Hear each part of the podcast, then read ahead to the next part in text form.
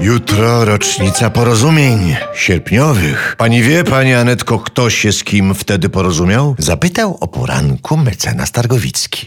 Oczywiście, że wiem, wykrzyknęła Anetka z entuzjazmem wzorowej uczennicy. Rodzina Gęsińskich z papieżem Polakiem się porozumiała? Żeby nie było w Polsce tęczowych i ciapatych oraz zdradliwej opozycji. Doskonale, pochwalił dziewczynę mecenas. Pani zrobi karierę w telewizji u boku redaktora Racucha lub redaktor Chojarski. Anetka ze szczęścia aż się zarumieniła, gdyż ona już kończy swój staż w naszej kancelarii. Ta Anetka. I martwi się, co dalej, a przecież bystra jest prawie jak Madzia Pagórek. Tymczasem narrator nam się zbuntował.